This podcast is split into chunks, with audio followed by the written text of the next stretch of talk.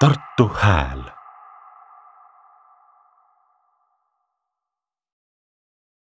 et tere tulemast Tartu poodi, kus me täna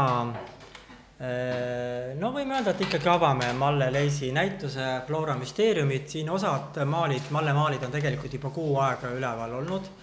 nüüd tuli neile täiendust ja, ja selle vestlusega täna siis avamegi näituse. seda ühtlasi ka salvestame Tartu Hääle podcasti jaoks, nii et hiljem saab seda ka järgi kuulata ja kui Sandra on valmis, siis me võime kohe. kohe alata. tere. sealt alt paranduskeldrist tuleb vahepeal parandamise hääli, et siis lihtsalt ärge laske ennast segada.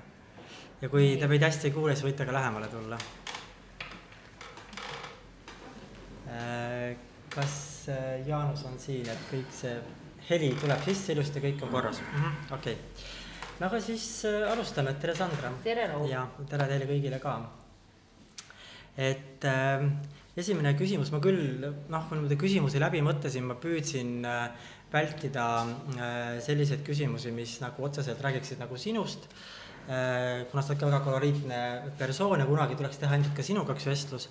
aga ma püüdsin täna siis pigem keskenduda Malle Leisi loomingule tema tegemistele, aga siiski on mõned küsimused, mis puudutavad ka sind ja siis esimesega kohe nagu alustangi, et et kuna sa oled üles kasvanud kunstnike peres, nii sinu ema Malle Leis kui, kui ka sinu isa, mõlemad maalisid ja võib-olla see esimene küsimus ongi, et kui palju see sinu eluolu on mõjutanud, et sinu, sinu kunstniku teeks või loovisikuks on just see kunstniku perekond, kas on nagu sillutanud teed, et te vennaga mõlemad olete kunstnikud? mu vend ei ole kunstnik, mu vend ise ütleb, et teda ei tohi, ta ei ole kunagi tahtnud saada kunstnikuks, ta on alati olnud rahul, olles käsitööline, ehk siis ta on disainer, 3D animaator. algul oli väga pikalt reklaamiagentuurides graafiline disainer Hendrik Jõgeva. ja siis ta tüdines sellest ära ja ta põhimõtteliselt omandas uue eriala, mis on 3D animatsioon. nii et noh et talle sobib, et teda nimetatakse käsitööliseks. jaa, ikkagi nagu loominguline eriala no, siiski nagu, et ähm.... no ma ei oska öelda, mina ei tea, mina ei tea sellest tema erialast ausalt öeldes nagu midagi. et noh, ma ütlen, et kui ta ise teeb sellel vahet, siis ma aktsepteerin seda. ja mina isiklikult arvan jah, et kunst ja käsitöö ei ole sama asi. et mingi kaminameister ei ole sama, mis skulptor. ja 3D animaator pole sama, mis graafik, nii et õppis siiski EKA-s graafilist disaini ja läks sealt edasi. ja, ja, aga kui sa natuke meenutad oma lapsepõlve, et et kui palju sa nagu jälgisid, mida su vanemad teevad, oli see sinu jaoks nagu huvitav, põnev või tavaline või kuidas? see oli loomulik, et noh, et vähe sellest, et et mu vanemad olid kunstnikud, et noh, meid, nad olid nagu, millest ma teen ka praegu dokumentaalfilmi, kunsti külm sõda, et Nõukogude mitteametliku kunstiskeene nagu võib öelda, et seal olid väga olulised tüübid Moskva, noh, täiesti põrandaalused kunstnikud, kõige kuulsamad nimed neist äh, Ilja Kabakov, äh, Vladimir Jankilevski, Erik Bulatov, Mihhail Šemjakin, äh, kõik nii, äh, tuntud kineetiline, kineetiliste nagu ütleme, et mingi installatsioonide vist tänapäeval öeldakse, maastikuinstallatsioonide looja. täiesti Hispaania nimi, tegelikult noh, sisuliselt puhas venelane, tema isa oli Stalini repressioonides hukkunud kuidagi Nõukogude Liitu sattunud hispaanlane nimi Francisco Infante. et noh, ta on minu arust super kunstnik, et nad noh, veel üks geneetiline kunstnik, Slava Koletšuk, et nad olid kõik minu vanemad nagu väga head sõbrad. ja see oligi selline läbipõimunud, ütleme mingi skeene, et noh, Tallinn, Moskva, mina tean seda telge. et need inimesed reaalselt käisid külas. mu isa oli patendiinsener ametilt ja ta noh, käis patendiraamatukogus korra kuus Moskvas, nii et nad külastasid üsna palju Moskvat, just Moskvat, mitte Leningradi ehk Peterburi. ja noh, ma arvan, et see kõik oli nagu hästi oluline mõju.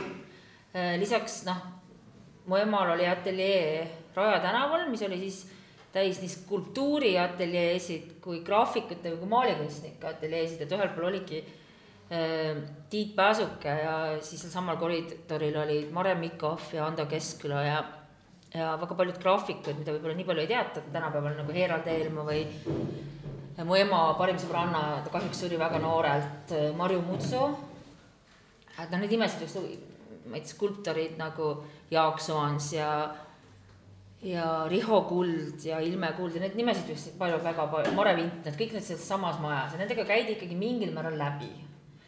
Ja noh, praegu on seal ainult skulptuuriateljeed ja EKA skulptuuriosakond, et siis seal olid ka maalikunstnikud ja graafikud.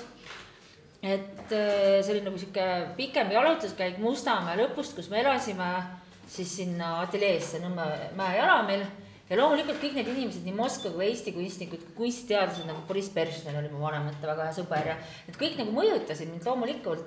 ja siis võiks veel lisaks tuua Ameerika diplomaadid, et nagu ma olen kunsti ja külma sõja äh, dokumenta-, kunsti ja külma sõja teemalise dokumentaalfilmi jaoks äh, teada sa-, valm-, noh, valmistudes seda filmi tehes ma olen teada saanud, et et see CIA antud äh, salajane lisaülesanne Ameerika saatkonna töötajatele Moskvas, et toetage mitteametlikku kunsti. et nad käisid läbi nende kunstnikega, noh, Moskva omad võib-olla julgesid, nad olid hästi põrandaalused, neil oli vähem kaotada, nad julgesid ka ille-, noh, müük ateljees oli illegaalne. eriti välismaalasele, eriti valuuta eest, nemad julgesid müüa, Eesti omad ei müünud, sest oli midagi kaotada. Nad olid kõik tunnustatud kunstnikud, neil olid omad privileegid, mida nad siis arvatavasti ei teadvustanudki Nad arvasid, et nad Nõukogude Liidu vangid. noh, mida nad omal kombel olid, aga teisalt neil oli selliseid privileege ja kunstil oli selline tähtsus, mida ei ole olnud ei enne ega ma arvan, et ei tule ka pärast Eestis. Ja noh, see oligi see maailm ja ma, ma olen nagu ennast ka võib-olla analüüsinud, et ma eeldasin, et mind ootab midagi sarnast. et nagu mu ema ütles, et eh, ma ei tea, et lõpetad keskkooli, astud ERK-isse, lõpetad selle ära, ERK-isse oli väga raske saada muide, et see nõudis väga suurt eeltööd ja noh, sinna ei olnud võimalik astuda niimoodi, et sa pole enda aastaid ette valmistanud, laste kunstikoolid, kunstiklasside ettevalmistuskursused. ja siis lõpetad ära ja hakkad salongis pilte müüma. et mu ema müüski ametlikult Liiva tänava kunstisalongis, kus oli žürii, mis koosnes Kunstnike Liidu liikmetest, et mu ema oli ka vahel seal žüriis, noh, mis võet-, mida sobib müüki võtta, mida mitte. et see kunstiline kvaliteet, ma olen aru saanud, oli hästi oluline ja noh, nad suhtlesid ka nagu Toltsi ja Laapini ja väga paljude inimestega, Tõnis Vindi ringkond oli oluline, ma mäletan neid kõiki oma lapsepõlvest ja see oligi see koht, kus ma üles kasvasin. Ja ma selles aastaid-aastaid hiljem sain aru, et need et kunstniku müüdid, et kunstniku vaene elab katusekambris ja raha ei ole ja sureb tiisikusse või joob ennast surnuks või tapab meeleheitist ära. et need ongi nagu elujõulised müüdid, sest noh, mina midagi sellist ei näinud. Ja ma arvan, et neid inimesi peetakse, noh, Ülo Õun oli oluline mina arvan, et geniaalne skulptor, et noh, kes seal ka seal majas oli, vanemate hea sõber, et, et ma nägin seda kõike, noh, kunstnik vaesusega küll ei seostanud. et see ikkagi jäi selline mulje, et kui sa selle alaga tegeled, et seal on suur konkurents ja kui sa end tõestad, et siis, ähm, siis noh, vähemalt see vähemalt sai muretse sellepärast, et kus sa arveid maksad või kust sa seda elementaarset raha saad, et et mingisugune noh, päris tugev baaskindlus oli kindlasti olemas ja kui Nõukogude Liidus inimene pidi tööl käima, ta ei tohtinud olla nagu töötu või vabakutseline, siis oli üks erand, kui sa olid kunsti või mõne muu loomingulise eriala kõrgharidusega, sind oli vastu võetud loomingulisse liitu, siis sa võisid olla vabakutseline ja sa võisidki elada nagu mu ema, et müües oma teoseid siis Liivalaia tänavasalongis peamiselt, tellimusi ta tegi väga vähe, noh, tal ei olnud ka tegelikult seda vaja, et ma arvan, et ta oli maksimaalselt vaba oma loomingus, jah ja pluss käivad on ju need toredad Ameerika miljonäridest kunstikogujad ja diplomaatiline korpus, nagu mu vanemad ütlesid, et kui Eesti Vabariik saabus, ei tulnud küll ühtki Ameerika diplomaati enam äh, siin ateljeesse, noh, ma järeldan, et oli vist küll CIA nagu salajane lisaülesanne. et see minu jaoks väga palju tõestab ja ja noh, et see oligi see maailm ja nagu mina ei noh, ütleme, et võib-olla mul oli isegi nagu keskklassi või töölisklassi klassikaaslastega võib-olla isegi nagu huvitav nagu noh, suhestuda, sest nad tulid hoopis teistsugusest kohast, et et ma olen isegi natuke kade, et mu nagu lapsepõlve parima sõbranna vanemad töötasid tehases, et siis nad äh, viisid ta nädalavahetusel loomaaeda või kuhugi. minu vanemad tegelikult ei pidanud nädalavahetust, aga pühitsenud pühapäevaga teinud väga palju pause töös. no ja loomulikult oli väga suur atraktsioon minu sõbranna joodikust isa, mis mulle ka väga suurt huvi pakkus. selge, aga kui. ma kadestasin teda natuke selle trauma eest, mis seal, mis seal iga palgapäev toimus ja sõbrannaga kuskilt murulapilt lamavat joodikut, kes oli ta isa nagu koos koju talutada, oli minu meelest kohutavalt tore seiklus ja ma mäletan, kuidas me läksime, noh, tema vane, koju, isa oli just tulnud, õudne skandaal, tüli, karjumine, isa maani täis, andis meile kommi äh, ja siis, kuidas äh, me elasime samas majas, ma ütlesin sõbra-, noh, ja siis sõbranna ema nagu saatis meid minema. ja et nad ei tahtnud, et me seda jama näeme. ja siis me läksime multikaid vaatama minu juurde üheksandale korrusele. ma tohega tahtsin rääkida, kui, kui huvitav oli ja kui tegelikult lahe see on, mida ma nägin ja noh, see oli vist nagu asi, mida ma tahtsin oma emaga jagada kohe ja siis mu ema kuidagi see hästi, hästi kiiresti sulges mu suu ja ütles, et minge vaadake multikaid, et ta kuidagi oli mu peale pahane, et ma sellest hakkan rääkima. aga mina ei teadnud, et, et noh, minu jaoks oli väga huvitav ma ütlen, noh, see oli huvitav atraktsioon ja ma arvan, et mind on alati tõmmanud elus need olukorrad, kus asjad lähevad käest ära. et ütleme, et sõbranna joodikust isa oli kohutavalt kurb tegelane selles mõttes. tohutu action oli iga palgapäev. sealt see sinu esimese dokfilmi mm -hmm. väljund. jaa, mulle meeldisid joodikud ka Kuku klubis, kuhu aeg-ajalt viidi pühapäeval lõunat sööma et Hardi Tiidus, Toomas Vint, äh, mulle meeldisid joodikud jah, sest nad kodus sihukest nalja ei saanud. aga räägime natuke nüüd äh, Mallest, et äh, kas sa, kui ajaloos veel natuke nagu tahapoole minna, et kas sa tead Malle enda kunstnikuks saamise lugu, et, et ja. räägi meile sellest. et ta teadis juba väga väikse tüdrukuna, et ta tahab saada maalikunstnikuks, ta ei teadnud, kust ta selle võttis, aga ta kuskilt teadis seda ja. tema vanemad ei olnud. absoluutselt ja... mitte, minu vanaisa, emapoolne vanaisa oli meier, ta käivitas meiereisid, nad kolisid hästi palju, nii et ma arvan, et mu ema lapsepõlv oli mõnevõrra üksik, et kohe, kui ühes äh, väikses kohas koolis tekkisid sõbrad, pidid edasi liikuma, sest isa läks käivitama teist meiereid.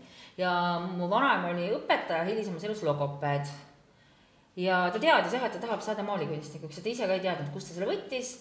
ja tema isa arvas, Vladimir Leis vanaisa, et, et Males võiks saada nagu piimandusinspektor, sest ta kartis meierina inspektorit, et see võimupositsioon tundus talle midagi, mida ta oma tütrele soovis. ja, ja siis ta läks Pärnusse, et noh, seal oli nagu mu emapoolne suguvõsa pärit Pärnust, seal oli üks maja Agulis, mille mu vana-vanaema oli lesknaisena ja kolme lapse emana ehitanud. Äh, peale mehe ootamatut surma. Ja ja ta läks Pärnusse ja ta oli, elas seal üksinda, ta vanemad olid kuskil mujal ja ta läks Pärnusse tagasi ja siis ta käis legendaarse kunstiõpetaja Meeta Viksi juures skulptuuriringis ja võitis auhindu eh, mingitele vabariiklikel kunstikonkurssidel õpilastele ja ta läks eh, paralleelselt, tegelikult ta üritas Erkise sisse saada. ja ta sai sisse alles neljandal korral ja teda saatis mingisugune väga veider ebaõnn, et esimene kord no ta rääkis meile oma elust, need, need unejutud olidki siit ju elust, ma tean neid asju väga hästi.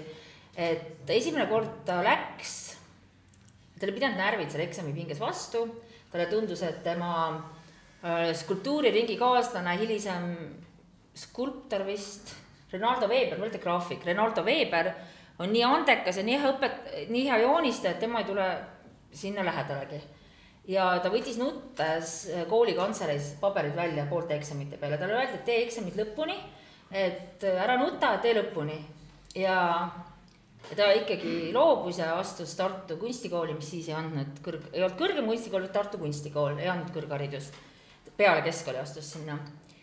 et kuna ta ERKis, ERKisse ta ei julgenud esimene kord eksamitele lõpuni jääda, ta oleks tegelikult sisse saanud, seepärast et seesama Renaldo Veber, see kukkus puhtalt läbi kirjandiga et ja sai ka alles hiljem sisse.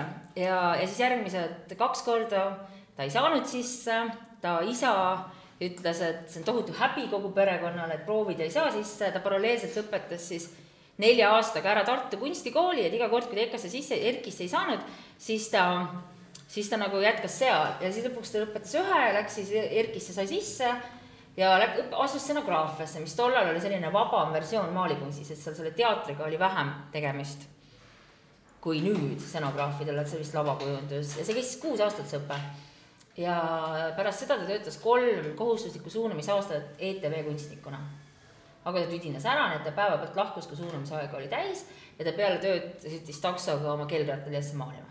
et noh, see maalimine oli tema jaoks nii prioriteetne tegevus, et see oli asi, mida ta tahtis kõige rohkem elus teha.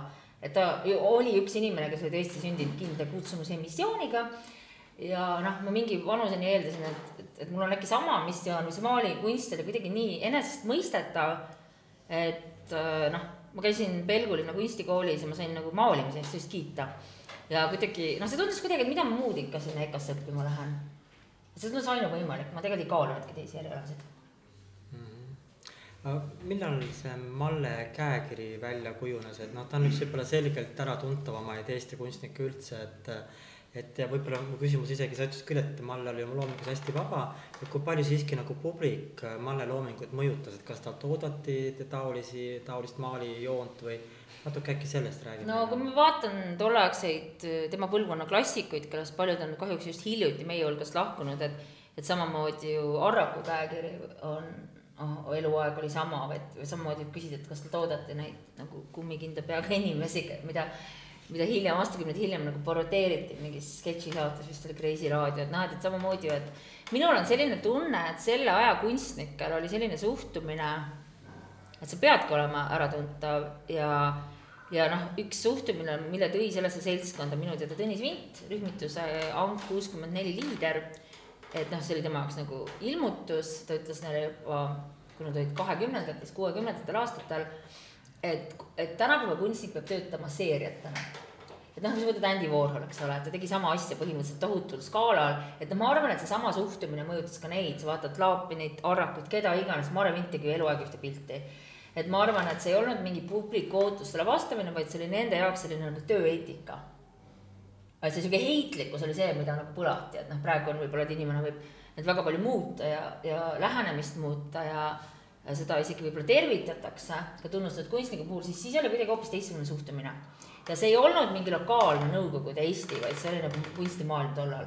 et ma mäletan seda, et mu ema rääkis, kuidas Tõnis Vint neile ütles nagu, ta sai nagu ilmutuse, et kunstnik peab tänapäeval töötama seeriatena ja seda nad kõik tegid kas, kas Mannel endal oli ka eeskujusid? jah, ta, ma vastan sellele eelmisele küsimusele, et millal ta käekiri sellisel kujul välja kujunes, kindlasti seitsmekümnendate alguses. et kuuekümnendate teosed on veel siuksed opkunsti mõjudega, hästi eredad värvid, abstraktsus ja sellised nagu realistlikud, natuke popilikud, sest tegelikult see juur on popp, popkunst. Need kergelt popilikud taimed, lilled ilmuvad seitsmekümnendate väga alguses, samal ajal alustasid nad ka oma serigraafia tehnikaga, mille nad algusest lõpuni välja töötasid täiesti ise, isegi värvid on ise segatud ja see ei ole tavaline siiditrükk. mis see järgmine küsimus oli? et Malle eeskujud äkki natuke? jaa, ta väga soojalt rääkis oma õpetajast Lepomikost, siis talle väga läksid korda Itaalia renessansi aja meistrid ta põlgas El Grecot, ta väga paljude tunnustatud kunstnike kohta võis öelda väga halvasti, ta ei pidanud neid millekski. Picasso näiteks, Tatali samas väga oluline oli. Ähm, Max Ernst oli Ankile oluline. Escher, äh, siis ähm, Teineka, vene kunstnik aga noh, see renessansi meistrid olid nagu mitte ainult mu emale olulised, vaid ka Sten Sarapuule ja mu ema alati rõhutas, et head kunsti on läbi aegade tehtud väga vähe. Van Goghi ta väga hindas. ja kaasaegsetest ta ikka pidas paljudest lugu, aga noh, see oli hoopis teistmoodi, et kui praegu on kunstis hästi oluline ideoloogia mõnes mõttes, noh, noh, tihti on ka ideoloogilist lähenemist, sooteemad või midagi sellist, siis see, selle nagu oli ikkagi see visuaal ja esteetika käisid nagu nii-öelda eetikast eespool ja samas see oli ka selline nagu võib-olla vaikne protest Nõukogude ühiskonna, sotsrealismi, selliste asjade vastu, et sa oled rõhutatud apoliitiline, et sa ei kanna mingeid loosungeid endas. Et see oli noh, lihtsalt see oli ka mõnes mõttes võib-olla demonstratiivne isegi, sest mingi sotsrealismi taust siiski oli tol ajal, kuigi noh, Eesti oli naš sapad, meie lääs ja siin oli noh, minu teada ei olnud tsensuuri et äh, noh, tavamõttes, et jah, sa ei võinud teha nagu, kuigi juba Rene Kari juba tuhat üheksasada kaheksakümmend kaheksa pani välja need nagu Eesti lipu li-, noh, tõesti sinine, mustvalge, niisugused abstraktsed teosed, minimalistlikud teosed. Aga noh, võib-olla jah, siis sinimustvalget ei saanud väga demonstratiivselt kasutada või ma ei tea, teha Konstantin Pätsi portreed, aga, aga noh, üldiselt Eestis kunstis ei olnud tsensuuri, kirjanduses noh, ka praktiliselt mitte et nagu ütles mulle tuntud vene mitteametlik kunstnik Boris Šutovski, tegin temaga intervjuu kakskümmend aastat tagasi Eesti Ekspressi, et äh, väikerahvastel oli Nõukogude Liidus lubatud väga palju rohkem kui hegemon rahval ehk venelastele. et seega need, noh, see oli nagu imetlusväärne, mida siin kõik võis teha ja kui läänelik see oli. Filmi kohta ma olen muuseas kuulnud, et tegelikult need kuulsad ära keelatud filmid nagu Lindbrid või hullumeelsus või et tegelikult seal taga ei olnud Moskva. Moskva jättis üsna rahule need ähm, kohalikud väiksed filmitegijad. aga kaebused tulid koha, konkurentidelt, et Moskvasse kaebasid teised filmitegijad, kes ise ei saanud võimalust. ja siis vaada, oli kohustus üle vaadata ja siis mõned asjad, mis olid ka väga eksperimentaalse vormikeelega tollal, äh, noh, ära keelata. Et see tsensuur oli hoopis teistsugune, kui, kui, kui müüdid tihti räägivad, et mul oli, mul oli ka ühe endast natuke noorema Eesti tuntud režissööriga vestlus, et tema rääkis, et neile BFM-i loengutes räägiti, et Kaljo Kiisk pidi tegema filmi äh, saja aasta pärast mais, et rehabiliteerida ennast kui dissidenti peale filmi Hullumeelsus, et saanud vahepeal filme teha. ma võtsin Vikipeedia lahti, Kaljo Kiiks peale ära keelatud Hullumeelsus tegi iga kahe aasta tagant filmi. Ja noh, lõpetas Eesti Vabariigi tulekuga, et noh, on ka hästi palju müüte, mis tegelikult ei vasta tõele. ja mina isiklikult ei ole huvitatud müütide ideoloogilise tagapõhjaga levitamisest, et me peame eriti praeguses olukorras näitama, et Venemaa on midagi hästi halba ja kõik, mis sealt on tulnud, kaasa arvatud Nõukogude Liit on midagi üdini halba ja siis sa moonutad fakte, et mina arvan, et see ei ole õige. Ja näiteks nagu filmi Kunst ja külm sõda puhul ma tahan nagu näidata ka midagi väga head, mida Nõukogude Liit andis Eesti Vabariigile, mille ta okupeeris, et äh, noh, et kuna need summad, mis liikusid kunstis, kirjanduses teistel loomingulistel aladel töötasud on olid väga suured võrreldes praeguse, noh, see proportsioonis kõigi muude töötasudega. et siis lihtsalt meie üliväikese rahvaarvu puhul andekad inimesed jäid sellele alale, et, et ma arvan, et, et suurtel rahvastel on see privileeg, et noh, kus on nagu vanem, vanem ütleme, kapitalism ilma katkestusteta olnud, et inimeste käes on suured varandused, et seal leidub nagu öeldakse, et äh, suurte rahvaste juures ei lähe nii ebastabiilseid erialasid nagu kunst, teater, kino äh, muusika õppima üldiselt inimesed, kes on alla keskklassi. ja veel soovitab, kui neil on nagu mingi varandus.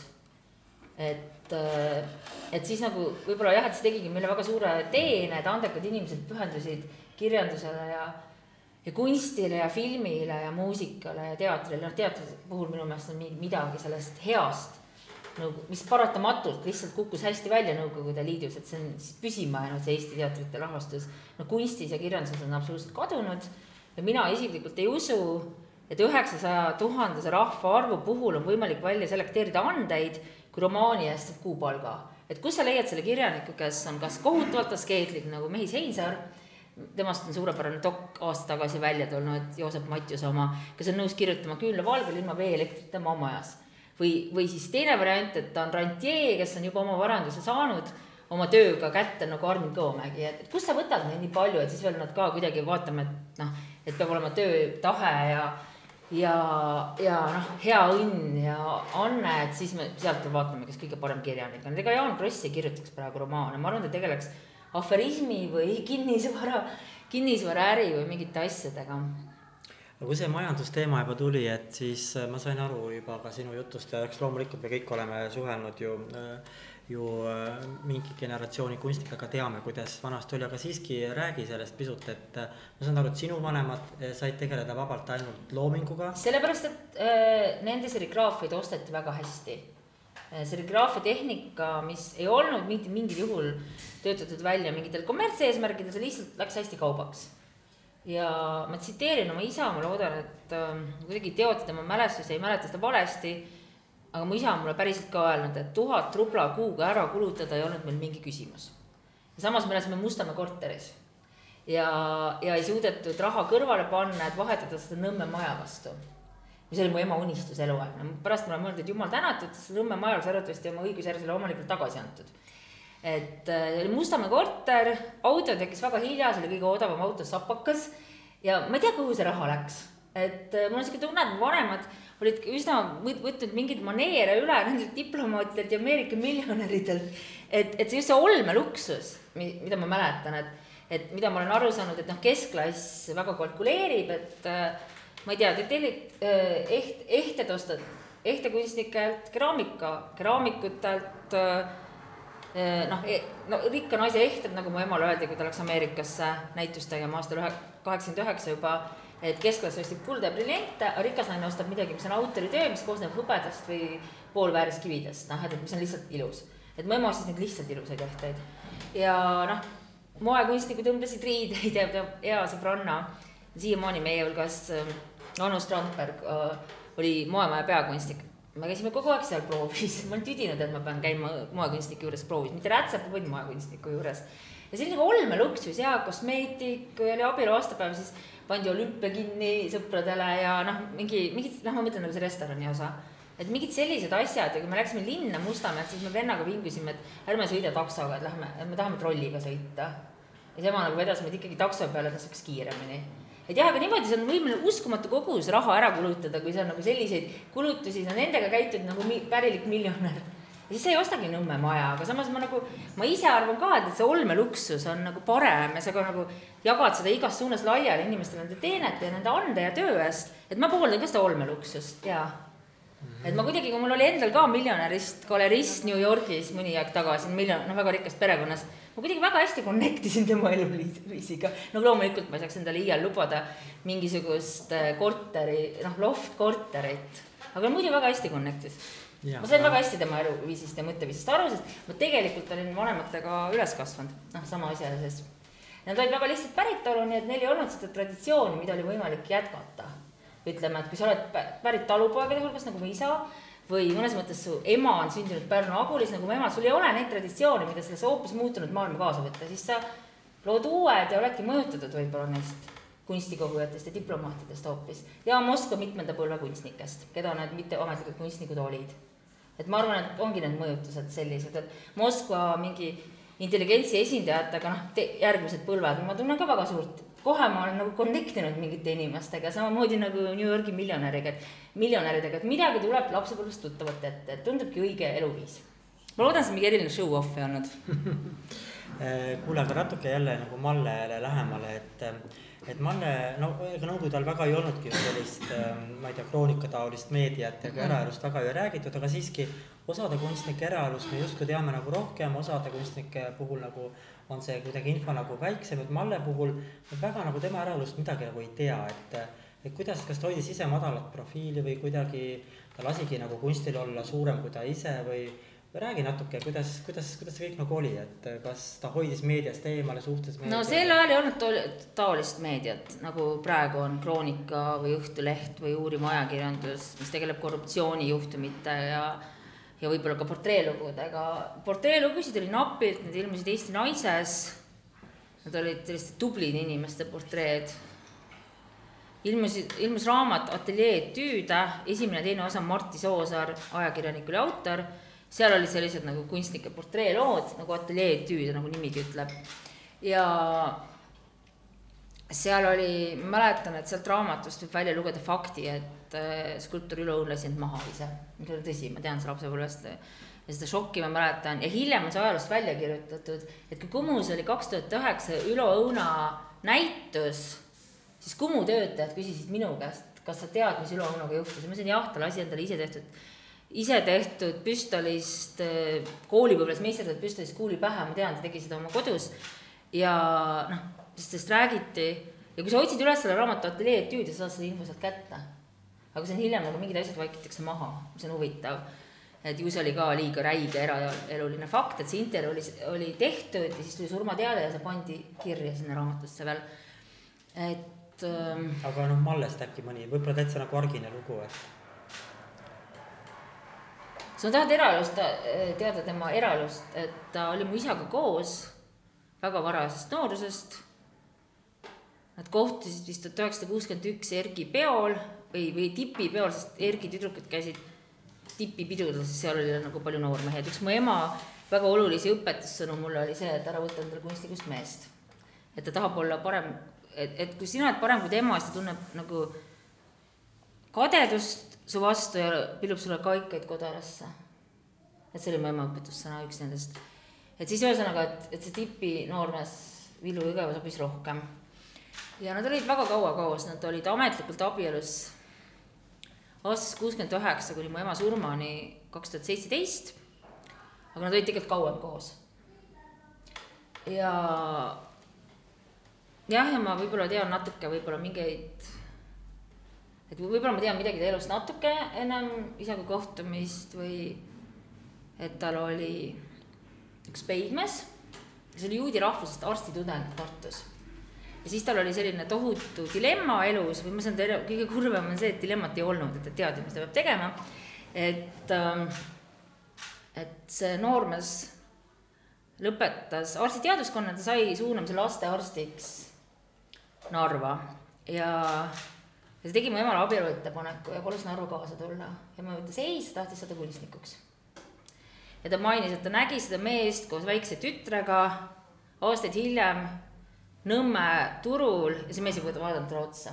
et selline sisu solvamine, et tal oli see esimene armastus oli vähem oluline kui soov saada kunstnikuks. see ütleb päris palju tema kohta ja ma üritasin pinnida, et kas see mees oli Aadi Kleemin, ta väitis, et ei, aga ma mõtlesin, et juhul kui oli, on see väga kaval vastus. lastearst juudi rahvusest, umbes sama põlvkond, natuke vanem, ma ei tea. et sai lasteaia, mingi lasteaia juhatajaks sai, nii et äkki oli. et ma ei, ma ei tea, võib-olla neid oli rohkem äkki jagad veel mõnda lugu või, või see pole oluline? ei, küsi midagi spetsiifilisemalt, et sellised eraelu, noh, seostub tänapäeval meil suhetega on ju, et noh, seda ma rääkisin selle loo ära mm. -hmm. ma küsin äkki hoopis siis niimoodi, et, ähm, et äh, ilmselt oled ka kokku juba puutunud, et kuskilt jookseb generatsioonide piir, on inimesed, kes väga hästi Malle-Leisi teavad, ära tunnevad tema teoseid ja on äh, kuskilt algab nagu põlvkond, kes võib-olla Malle-Leisist noh, on vähem teadlikud, võib-olla pole üldse midagi kuulnud. et ähm, kui palju sa tead, palju Eesti kunstiajalugu praegu koolides, kõrgkoolides õpetatakse?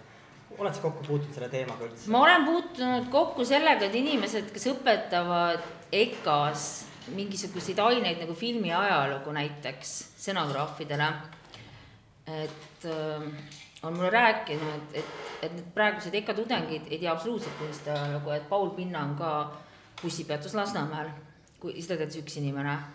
et ja kunstnikest teatakse ainult neid sellest põlvkonnast, kes on just hiljuti surnud ja meedias olnud nagu Laapun ja Arrak. et Keskkülat või mu ema ei tea keegi et äh, ma arvan, et see haridus on väga lünklik, see on nagu väga traagiline, mis toimub kunstiharidusega, sest üks asi on niisugune laiem teadmine, aga teine asi on spetsiifiline kunstiharidus, kus sa võiksid teada oma eriala ajalugu. ma olen aru saanud, et see on nagu katastroofiline, see seis selle kõrgkooliga kahjuks, ma ei oska öelda, kuidas siin Tartus on. aga muidu noh, oksjonitel. umbes sama halb on siin. kus on jah? Paalases Maarja ütleme siis, kui ma seal nagu niisuguses lihtsalt äh, pühapäevases tunnis ja siis ega, ega, ega need inimesed ei tea väga palju kunstnikke ei tea, mitte midagi ei tea, ega ikka tudengid ei oska ka joonistada. Ja ütleme, et ütleme, et arstiteadusega ei saa niimoodi asjad viia, et, et lõpetavad arsti, noored arstid, kes pole päris kindel, kummal pool on süda, noh, aga noh, kunstis see ekvivalent on võimalik kahjuks. ja seal ei ole enam konkurssi. Ja paljudel erialadel on järelkonkursid, et neid üldse, neid rühmi või kursuseid täis saada.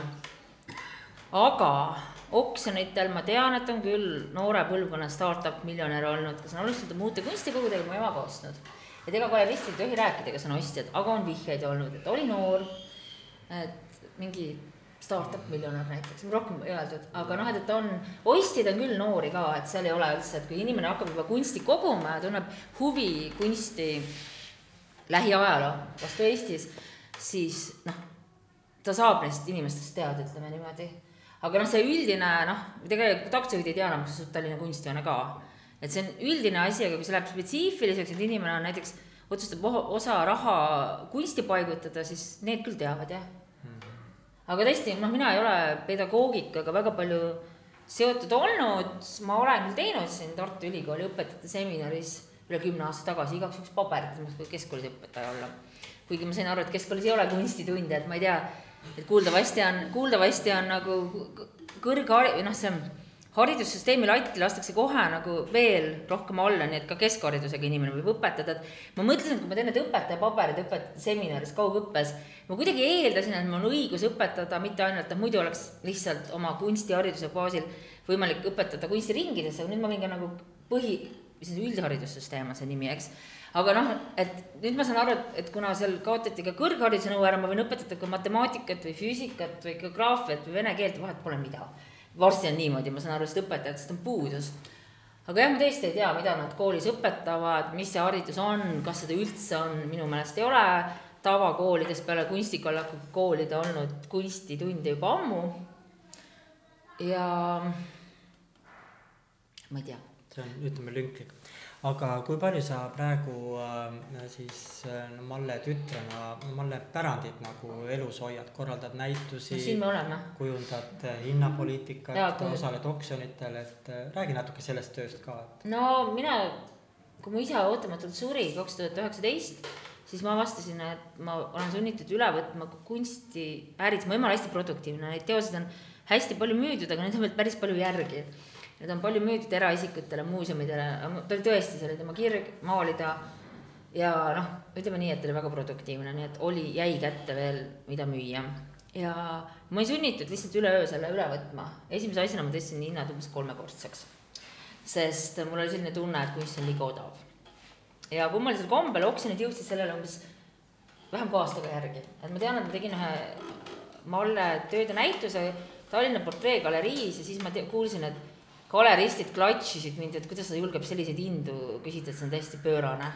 ja siis läks vähem kui kolmveerand aastat mööda ja oli Malle seniajani suurim oksjoni rekord, üheksakümmend korda üheksakümmend õlimaal oli nagu noh, ostjal oli ma ei tea, ta oli kolmkümmend, peaaegu kolmkümmend kaks tuhat, sellele lisandub on ju kümme protsenti, mida ostja peab maksma, et noh, et, et see on selline nagu rekord, noh, selle põlvkonnas on paljud inimesed, mul on väga hea meel sellele järgi jõudnud ja ületanud. Laapini paberil töö läks hiljuti neljakümne viie tuhandega, mul on ainult väga hea meel. kui noh, et see tervikuna kunstihinnad tõusevad, noh kuigi see ei ole üldse stabiilne süsteem. et äh, jah, et äh, ma tõstsin hindu täiesti teadlikult, sest mulle tundus, et neid kiiresti ja odavalt maha müüa ei ole mitte mingit mõtet ja ma arvan, et üldse, et et noh, kunst, tükk, noh, kui mu isa alati ütles, et ostes kunsti sa ei osta mitte kasutuskõlbmatuks muudetud, rikutud lõuendit, vaid sa ostad äh, tükikese kunstiajalugu. ja ma arvan ka, et kui ma ise olen ostnud kunsti, näiteks Peeter Allikut, loomulikult ma ostan tüki kunstiajalugu, eelkõige. ja see investeerimine kõik sellised asjad on absoluutselt sekundaarsed.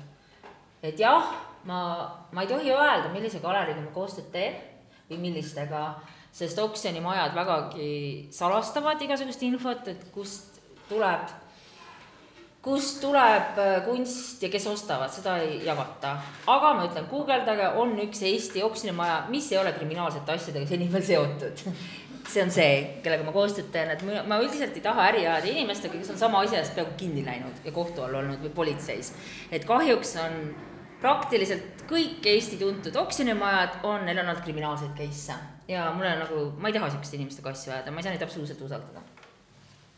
Ja aga siis tegelikult otsapidi jõuamegi selle teema juurde, mis oli mõned aastad tagasi see see oli poolteist aastat poolteist tagasi. aastat tagasi, kui äh, House Galerii pani müüki Malle Leisi võltsingu, et äh, no ei oleks pidanud panema ausalt öeldes, et noh, et, et ükskõik, kuidas nad äkki natuke räägid, sest Jaa. kõik pole kursis. et noh, ütleme niimoodi, et kui üks tavaline pühapäev hakkasid mulle inimesed, osad galeristid, osad lihtsalt kunstihuvilised sõbrad saatma screenshot'i mingist väga imelikust amatöörmaalist, millel on pruuni taustaga, mitte musta tausta, nagu, nagu mu ema maalis, sellised abitud tulbid ja küsima, et see ei ole ju sinu ema töö ometi, sest tegelikult on Eestis kogu see kunstikogujate skeen alati jälgib, kui need tööd oksjoni, noh, pannakse ennem oksjonit netti välja, et see ei ole ju su ema ja töö, ma ütlesin, et ei ole, tõesti ei ole, sada protsenti ei ole, allkiri pole ka üldse sarnane ja siis äh, ma tegin sellest Facebooki postituse, et kes veel teada tahab, et see on, ma ei mäleta, mis ma ütlesin, et see on täiesti küündimatu võltsing. ja selle peale sai hästi vihaseks mu peale äh, Piia Ausmann, kes arvas, et ma oleksin pidanud talle vaikselt seda ütlema, aga noh, ma arvan, et kui sa oled olnud mingi peaaegu kolmkümmend aastat kunstiäris, sa peaksid ikka suutma, et noh, kunstniku puhul on käekiri, joon, signatuur, see koosneb väga lihtsatest väikestest tähtedest, kui see pole ka sarnane, siis noh, millest me räägime.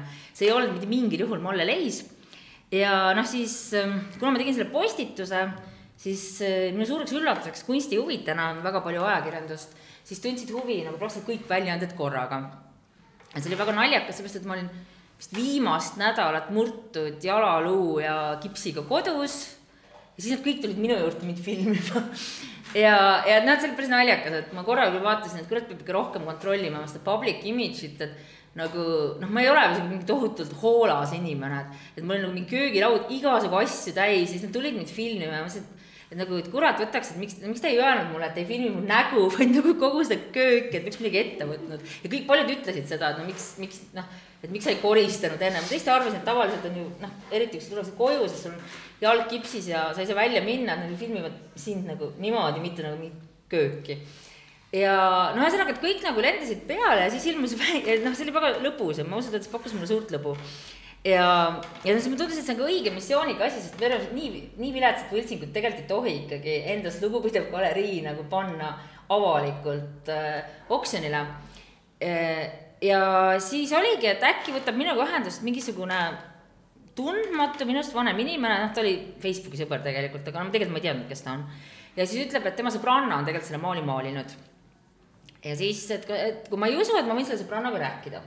ja siis mulle anti number ja osutus väga toredaks, jutukaks, avatud inimeseks, käsitöömeistriks ja harrastuskunstnikuks nimega Monika Liiv, kes kohe peale seda oli nõus äh, Eesti Ekspressile intervjuu andma, et oligi, noh, see oligi tema maal, kes lisas sinna väga viletsalt kirjutatud signatuuri Malle Leis, mitte keegi ei tea, politsei uurimine kestab, see on niisugune väga aeglane case, korra on uurija töölt juba lahkunud, et äh, mitte sellepärast, vaid lihtsalt ma arvan, ta viskas politseitöö üle, et nüüd on uus uurija, et noh, ma väga kahtlen, et see kuhugi välja jõuab. ja ma ei tea, kas politsei maksab selle Kumu tehnilise ekspertiisi kinni, sest noh, naeruväärsel kombel äh, House galerii jäi selle juurde, et see võib olla Malle Leis, et visuaalse ekspertiisi see on läbinud, ehk siis äh, Mai Leemin oli pilgu mingile põhimõtteliselt nagu arvutiekraanil olevale reprole heit-, peale heitnud ja kusjuures Mai Leevin ise mulle ütles, et ta tegelikult ei öelnud otse, et see Malle Leis on. sest ma olen ise ka Mai Leevini ekspertiisi võtnud ühele maalile mis oli nagu tundmatu autor ja Mai Leevin oli ka mu hea, ema hea sõbranna ja ta oli talle eravestluses külas käis öelnud, et ta arvab, see võib olla Läti legend Wilhelm Spurvitis. ja noh, äkki tuli mul pähe, et võiks selle maha müüa. mu isa siis veel elas. Ja ma otseselt kunstiäriga ei tegelenud, võiks maha müüa Riias. Ja siis mingi esimene Riia oksjonimaja ütles ühe lakoonilise lause, see ei ole Purvitis. ja siis ma mõtlesin, et ma võtan ikkagi Mai Leevini paberi. Ja Mai Leevini paber maksis Eesti umbes kümme eurot. Ta on väga sõbralik, ma arvan, et sellist teenust on vaja, et ekspert heidab pilgu peale. Ja siis ta ütleb, mis ta arvab, aga see paber oli ka niimoodi, et ta ei ütle mitte midagi kindlat, ta ütleb, ei ole alust kahelda, et see on Wilhelm Purvitise signeerimata jäänud lõpetamata maal ja siis ta nagu täiesti peast on pannud nagu jupi Wilhelm Purvitise selleaegset elulugu, et ta oli Tallinnas peale tuhande üheksasaja viienda aasta revolutsiooni ja õpetas reaalkoolis joonistamist. see tuleb tal peast lihtsalt. ja, aga ta ütles, et kui ma tahan päris kindel olla, et selle võib Riiga saata, nad tegelikult teevad, Venemaaga vist praegu ei saa, aga üldiselt Eesti Kunstimuuseum teeb väga head koostööd lähivälismaaga. ja üldine suhtumine on see, et kunstniku looming üle otsustatakse ikkagi tema kodumaal ja siis kuu aja pärast, sada eurot hiljem oli lätt-, lätlased olid öelnud, et see ei ole purvitis. Ja noh, ei olnudki, et noh, et Mai Levini paberid on ambivalentsed, ma ütlen, et ta ei ütle ei või jaa ja ta ei võta ka vastutust ja tema on öelnud minu meelest ka eravestluses, et temal ei ole võltsingute vastu midagi, et noh, et inimesed ei peagi nii ahned olema. minu arust nad öelnud seda ka Ekspressile, kui ta pidi olema Helsingis kunstivõltsingu, kunstivõltsingute suurel protsessil tunnistajaks, sest ta oli andnud ohjeldamatult paberit, kus ta tunnistas võltsinguid originaalideks. aga ta ei ütle seda nii otse, noh, ma ei süüdista üldse Mai Levinit. aga jah, naljakas on see, et, et see teos nagu olevat tehni-, visuaalse ekspertiisi läbinud, mina vaatan peale, ütlen, see ei ole Malle Leis keegi väidetavalt on öelnud, et on Malle Leis ja selle kõige tulemusena Piia Ausmaa ühes hiljutises intervjuus ütles, et edaspidi ta teeb kõik eh, visuaalsed ekspertiisid ise. Et ma ei oska öelda, et kuidas sellesse suhtuda, mina arvan, et inimesed, kes tahavad osta kunsti, natuke rohkem investeerida, võiksid kasutada võimalust teha Kumus tehniline ekspertiis, mis maksab seitsesada eurot.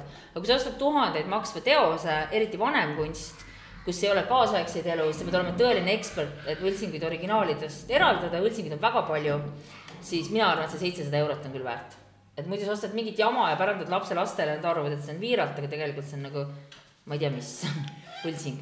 Sa mainisid, et võltsinguid on väga palju, oled sa veel kohanud kuskil oksjonimajades võltsinguid? mulle on näidanud ka üks galerist, kelle nime ma loomulikult ei saa nimetada, oma telefonist sama viletsat võltsingut, sama vähe Malle Leisi meenutavat suvalist akvarelli, üsna sarnased Pogstavid all leis ja ta tunnistas, väike, ta tunnistas, et ta müüs selle, see oli sellise, ma olen juba hindi tõstnud, et tuhande viiesaja euroga mingile rikkale lollile maha. see ei olnud Malle? muidugi mitte.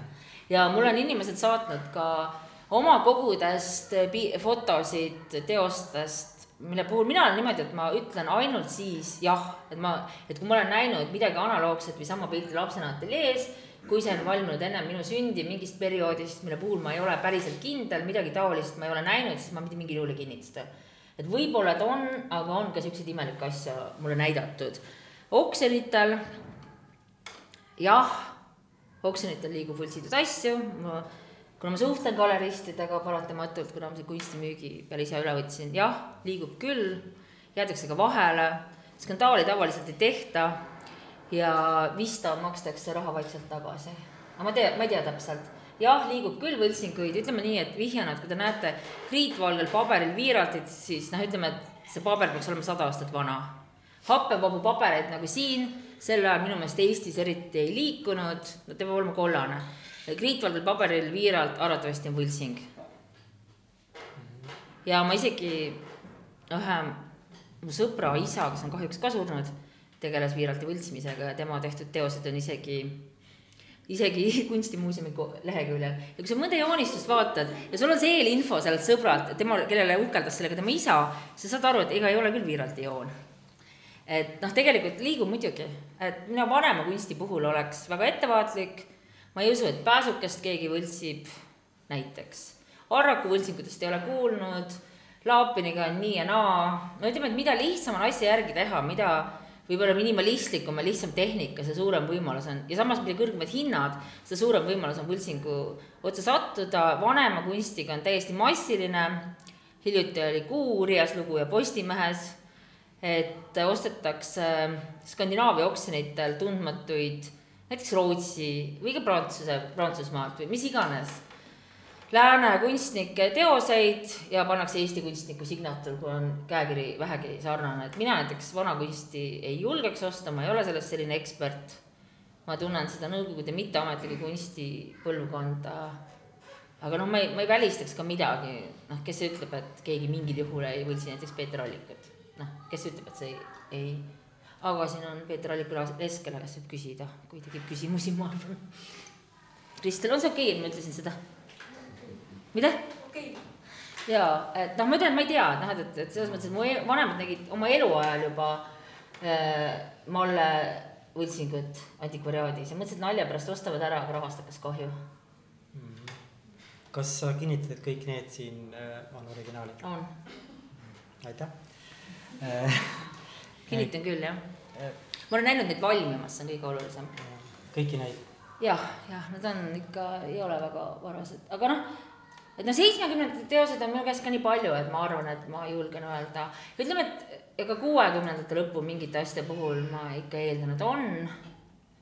noh, ma ütlen, et kui need on hakatud võltsima, siis, siis hiljem. Noh, võib-olla nüüd on mõtet Laapinit võltsida, kui ta tõesti nelikümmend viis tuhat maksab dušijoonistus akvarelliga koloreeritud. aga noh, ma arvan, et viis aastat tagasi ei oleks keegi Laapinit võltsinud, isegi kui ta ei oleks siis elus olnud veel enam et jah, et liigub küll jah, on lühike küsimus. aga noh, see on sihuke õrn asi, et, et mis õigust mul on rääkida, et mida ma kuulnud olen või et ma ja noh, et, et millisel kallilt läinud klassikuteosel ei läinud väidetavalt Kumu ekspertiis läbi ja kui ma vaatan seda pilti arvutiekraanil, ma saan ka see vist ei ole see, mida väidetakse, et on. Aga noh, inimesed üldiselt ei ole Eestis nõus eriti oma õiguste eest seisma, skandaale üritasid eriti ei tek-, eh, tekitata, noh, mina arvan, et see on vale, sest tulemus on see, et kõik vaikitakse maha ja ostjate hulgas tegelikult liigub üsna kindlalt juba teadmine, et, et sa ei pruugi saada õiget asja, keegi vastutust ei võta, hea, kui sa raha tagasi saad, et no mis see politseigi teeb, eks. et noh, et ma arvan, et see on hullem kogu kunstiturul, et kui kui mina nagu tegin skandaali, siis mulle heideti ette, et ma kahjustan kunstituru usaldusväärsust, aga see usaldusväärsus on juba sellest hetkest läinud, kui sa selle töö julged välja panna avalikult. see usaldusväärsus on tegelikult null. et äh, noh, et mina arvan, et ikkagi need väga ilmselged case'id, neile peab tähelepanu juhtima, et ma julgeks väga paljusid, ütleme, et noh, on mingid autorid, kelle puhul noh, natuke vanem põlvkond kui minu vanemad, et noh, ütleme, et ma oleks, ma olin ühe juhtumi puhul väga-väga üllatunud, et teda juba võltsitakse.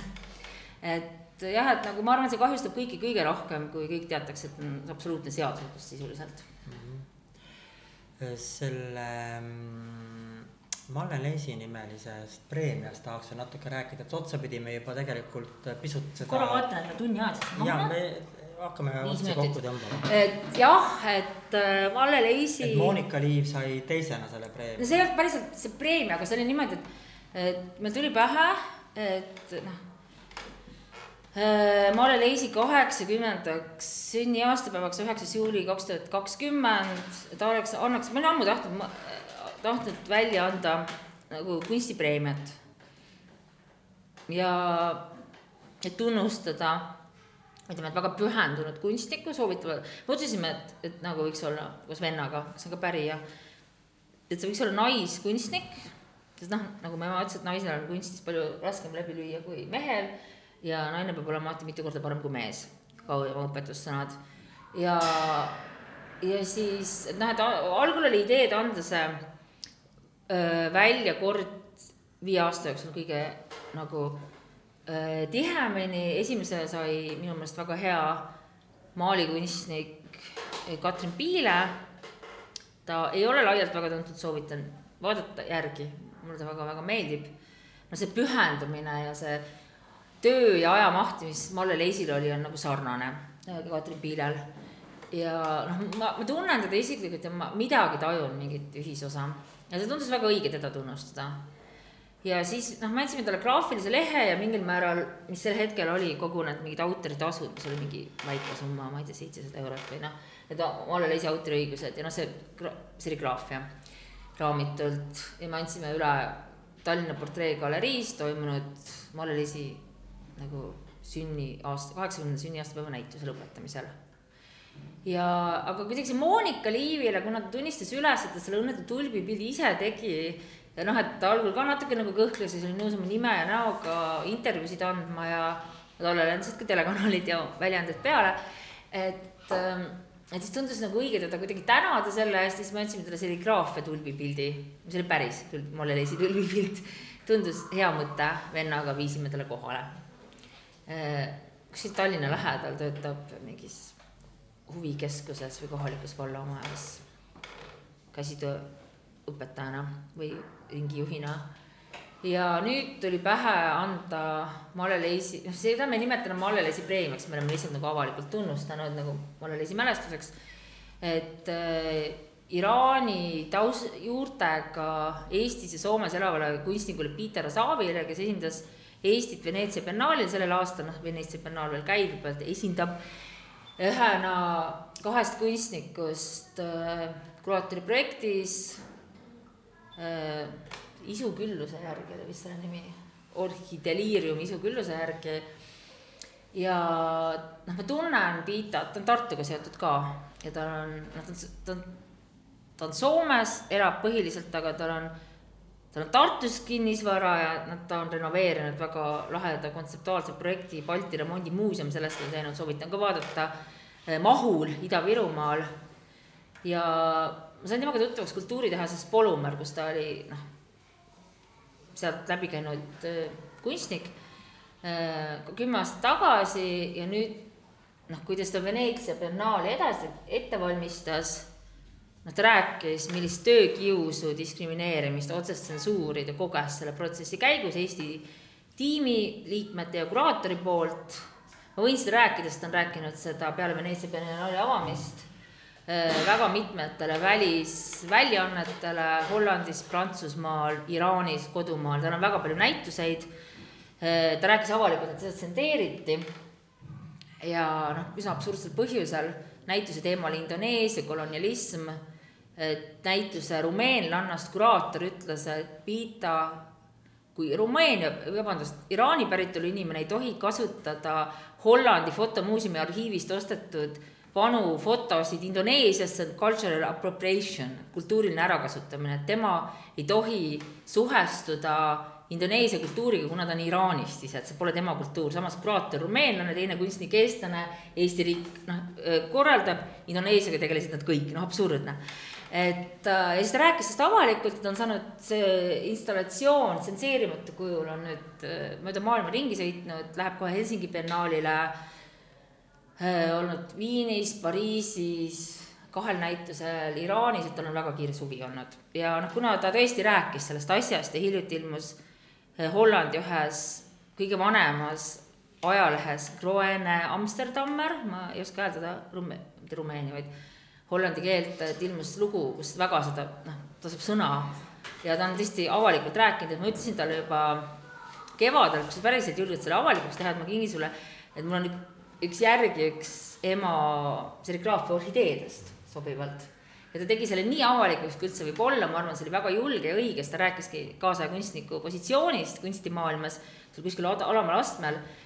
Et jah, et mu emal oli kindlasti väga omane selline sotsiaalne õiglustunne, et ta, kunst ei ole üldse sotsiaalne praeguse mõttes, aga ma mäletan jah, selliseid väärtushinnanguid, et et väga kriitiliselt suhtuti nagu nii-öelda, nagu mu vanemad ütlesid, ametnike võimutsemisse, noh, et üldiselt nagu mingisugust pugemist võimukandjatele peeti erakordselt häbiväärseks, et selle sain kindlasti kodust kaasa.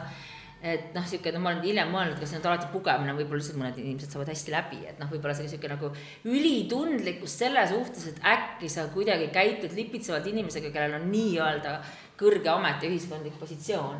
et noh, see oli nagu, see oli sihuke hästi suur tabu. ja noh, et kindlasti mingid sellised asjad ja, et noh, sihuke nagu mingi ülekohtu vastu mu ema võttis ülivalulikult mingisugust räiget ülekohut või just nimelt see nagu mingi struktuurne vägivald nüüd öeldakse või noh, sotsiaalne struktuurne vägivald, et noh, et, et, et noh, näiteks, et noh, muidugi tema ajal oli see kunstnike suhtes väga palju vähem kui praegu, ma võin kindlalt öelda. aga jah, et see on kindlasti sealt pärit ja ma mäletan, et mu ema ikka mingisugust, just nimelt mingi ametnike poolset vaimset vägivalda võttis ülivalulikult et noh, tal olid muidugi omad probleemid, et kuna suheldi nii palju välismaalastega, Ameerika diplomaadid ja kunstikogujad ja ja Moskva põrandalused kunstnikud käisid lääne ajakirjanikud külas, et siis KGB jälgis neid. aga sellel ei olnud muud tulemust kui see, et, et välismaal oli väga raske saada ja Kunstnike Liidu kaudu oli võimalik kandideerida korra aastas toimuvale nii-öelda ekskursioonile kuhugi välisriiki ja mu ema aastaid ei saanud öeldi viimasel hetkel, et teie ei sõida, noh seda võttis hästi valulikult, sest ta ei näinud neid Itaalia meistreid. ja jah, ütleme, et see minul kuidagi väga nagu haakus see Pita juhtum sellega, mida minu ema nagu, mille eest ta seisis või mida ta põlgas. siis ametnike omav oli. ja ta, ja noh, siis see tundus nii õige Pitat nagu, ma tea, avalikult tunnustada sellega. peaaegu, me saame, see mõte, et see tekst välja panna Facebooki ennem selle teose Pitale andmist tuli kahjuks eile hommikul liiga hilja, ETV oleks muidu kohal olnud oma kaameraga et äh, oleks pidanud üks päev varem, oleks üks päev varem pannud üles selle info ja saatnud ma saatsin tuttavatele ajakirjanikele loomulikult selle, et oleks ETV-s töötav tuttav selle varem saanud, oleks see jõudnud AK-sse.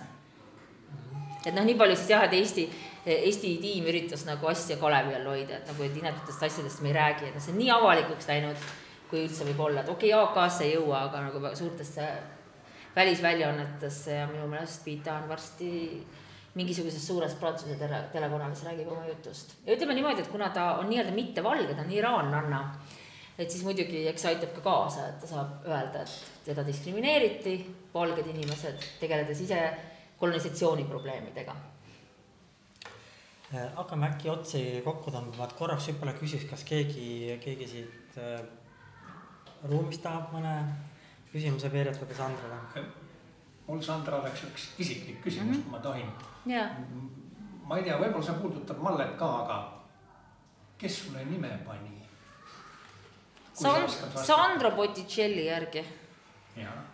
Eh, ma arvan, mõlemad ikka, Johanna oli ka nimekirjas, aga mulle see poleks üldse meeldinud.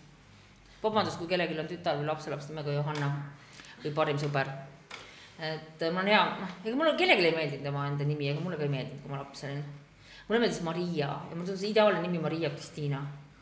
see oli väga moodne siis muidugi, neid oli palju. aga see oli mu ideaalne nimi oli Maria Kristiina, mul oli mingi nukk, kellel oli sama nimi aitäh mm.. äkki keegi veel tahab küsida? võib ka isiklikke ja piinlikke asju proovida välja uurida. kui julgete. tundub, et ei tule küsimusi. aa, mis on hästi tore, mu ema isiksust veel puudutab, et, et äh, need vanad joodikkunstnikud nagu Leonhard Laopin Neile õudselt meeldis rääkida, et oi, ma kartsin nii su ema ja ole, oleks tema sinu ajal elanud, teeks ta neid asju, mida sina praegu kunstis teed. siis ma mõtlesin, et, mida need vaesed hinged teevad, kui ema oli nagu kukulits mida neile räägitakse, minule räägiti, et sinu ema ma nii kartsin, mitte keegi ei julgenud kätt põlve peale kunagi panna, ükskõik kui noor ja ilus ma olin. Need vanemad olid muidu lihtsalt nilbed, nagu sihuke puutumatu tunne, ma su ema nii kartsin. Et ma arvan, mu ema oli selline inimene, et ta võis, nagu mu isa ütles, et ta võis kõike oodata, ta võis ükskõik mida öelda kellele see on just see, et, et sul ei ole see, et noh, see on, see on nagu minister, see on miljonär, et noh, et, et ja kui talle ikkagi mõni inimene tundus selline kahtlane moraalselt või, või, või kuidagi nagu kahtlane tüüp, ega ta seda nagu enda teada ei jätnud. ja eks noh, eks nad jah, vist mingil kombel kartsid teda, nagu mu isa ütles, et temast võis kõike oodata. kas no, sa selle oled siis emalt pärinud või? ma arvan, et ma olen väga malbe ja tagasihoidlik inimene, muidu mu ema arvas enda kohta sama. Et äh, jaa, aga jah, et see oli jah, mingi selline, mingi selline attitude aa, siis jah, et mu isa ütles väga ilusti, et, et me pidasime kõiki endaga võrdseteks ja selles on mingi hästi ilus armulikkus, et sina, miljonär, suursaadik, ma pean sind endaga võrdseks, ära muretse. et mulle see attitude mu isa juures meeldis ja kusjuures mu isa oli selline inimene, kõiki, kõik inimesed tohutult armastasid. et nagu mu isa ütles, et mulle meeldivad inimesed ja ma suhtun neisse hästi üldiselt. ja ma olen üritanud seda nagu üle võtta, et ma arvan, et seda asja mu emal küll ei olnud või noh, tal olid muidugi väga head pikaajalised sõbrad ja sõbrannad, aga noh, üldiselt noh, ma arvan, et mu ema ei suhtunud inimestesse a priori hästi, ta pigem kahtlustas neid ja mu isa suhtus inimestesse väga hästi ja ma üritan seda teist traditsiooni rohkem üleval hoida mm. -hmm. ma küsin veel täitsa nagu siis lõpuküsimuse, et, et mida sa nüüd näiteks ähm, ennustad, noh, nende selle, selle info baasil, mis sul on, olles ka oksjoneid jälginud ja ja, ja kunstiturgu nüüd sisenenud et mida nagu lähikümne aasta jooksul Malle, Malle kaasaegsete hinnad no ma arvan ikka tõuseb, sest eks nad järjest lahkuvad meie hulgast, kes juba seda pole teinud. ja noh, ega neid töid juurde ei tule, aga muidugi Eesti oksjonid on nagu totaalne kaos võrreldes mingi, mingi stabiilsema eh, kunstituruga, et no mingi tehti mingi kunstioksjoni indeks, mis on absurd, sellepärast et ma toon näite, et Leonhard Laapini üks dušijoonistus, vist oli seeria nimi Naised aastast üheksakümmend neli, suht väike, no ikka kitsas maksis eh, üks aasta ennem tema surma kaheksateist tuhat kaheksasada eurot haamrihind. Eh, kui ta oli just surnud kevadoksjoni hooajal, jäid tema väga haruldased dušid, guašid lihtsalt müümata. ja nüüd sügisel, pool aastat tema surma, sealsamast dušijoonistuste seeriast läks üks, no põhimõtteliselt sama teos, kahe tuhande viiesajaga ja siis äkki vana, vana dušijoonistus, koloreeritud akvarell nelikümmend viis tuhat. ühesõnaga, see on absoluutselt ennustamatu ja siinsed kõrged oksjoni hinnad ei tähenda mitte mingil juhul nende püsimist, aga üldiselt ma arvan, pikas perspektiivis muutub kunst järjest kallimaks, see põlvkond, sest nad on päris kindlasti kunstiajaloos väga oluliste tüüpidena sees. et jah, ma arvan, et see läheb kallimaks ja siis nagu kõige lõpetuseks ma ütlen, et miks ma praegu tegin selle ka müüginäituse, et mul on üks väga kindel põhjus, et mul on unistus, noh, mu emal oli Itaalia väga oluline. mul on unistus osta Itaalias kinnisvara ja teha nagu Malle Leisi ja Villu Jõgeva keskus mingil kombel, mingisugune loovisikute residentuur ja ma tahan põhimõtteliselt osta korterit ühes väikses Liguuria maakonnas Itaalia põhjarannikul ühes väikses keskaegses külas ja teha sinna selline, ma ei ole kindel, kas ma viitsin seda ametlikuks teha, et võib-olla täitsa mitteametlikku residentuuri et võib-olla vahepeal olla teises keskkonnas. et selline idee, et see on ka põhjus, miks ma praegu selle, need minu meelest väga head teosed panin müüki, eriti need suured akvarellid, mida, mida tavaliselt rohkem tal ei ole. kunstihinnast võib-olla nii palju, et Laurentiusega rääkisime viimati ja Lauri ütles, et äh, tema maali hind on tõusnud Eesti krooni tulekus saati sada korda. see tõsi olla, jah. et, et siis see näitab, kui suur jah, sest ma olen guugeldanud oma ema vanu oksjoni hindu krooni ja lõpus, kui oldi juba eurodes ka, et siis võis olla vabalt õlimaal, õlimaal nagu kaks tuhat eurot või kolm tuhat eurot, noh, praegu on väljamüügi hind on viis tuhat üheksasada, see on enamuse töödel, aga on ka kaksteist tuhat ja kümme tuhat. ma võin garanteerida, noh, mis on minu jaoks hästi huvitav tendents, mis on hästi huvitav tendents, on see, et paberteoste hinnad on tõusnud vägagi mina arvan, et see on õige, sest need, need paberid siin näiteks, et mu vanemad tellisid Prantsusmaal käsitsi eh, valatud happevaba paberit, kolmsada aastat garantii, Prantsuse mingi Ferrepiiri firma.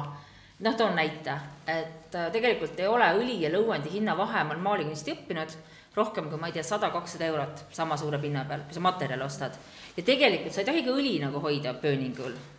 et see, et kui sul on noh, kahe klaasi vahel näiteks või raamitud paber, maja põlema ei lähe, tegelikult noh, mõlemad põlevad ja upuvad, et noh, seal tegelikult, kui sa niikuinii pead seda hoidma, et noh, mina arvan, et seal ei ole erilist vahet, et ega see õlimaal, ma just käisime Itaalia reisil ja vaatasin noh, kirikutes kuulsate meistrite maale, see õli kolmesaja aastaga muutub ka kohutavaks, kui teda ei restaureerita, ta on pruun ja kole. ja sa ei näe mitte midagi sellest originaalist ja noh, samamoodi nagu paber tegelikult, ja akvarellid on täiesti säilinud viissada aastat ja seisavad veel muuseumides. et mina arvan, et jah, et see mõttetu vahe tegemine, et õli lõuendil ja paber, noh, ma näen, et oksjonite hindadega on reaalselt ära kadunud. sest nelikümmend viis tuhat on absoluutne rekord üldse sellel põlvkonnal, et nelikümmend viis tuhat on olnud ka üks Alli Vindi suur meremaal ja üks haruldane seitsmekümnendate Tiit Pääsuke.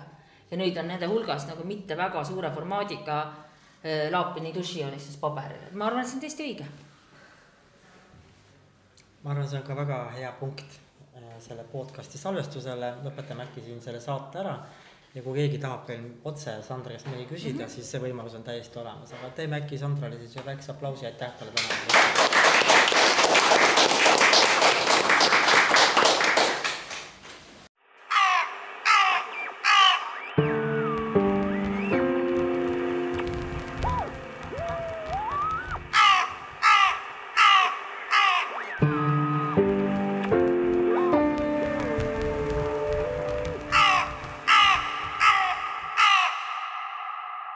Hääl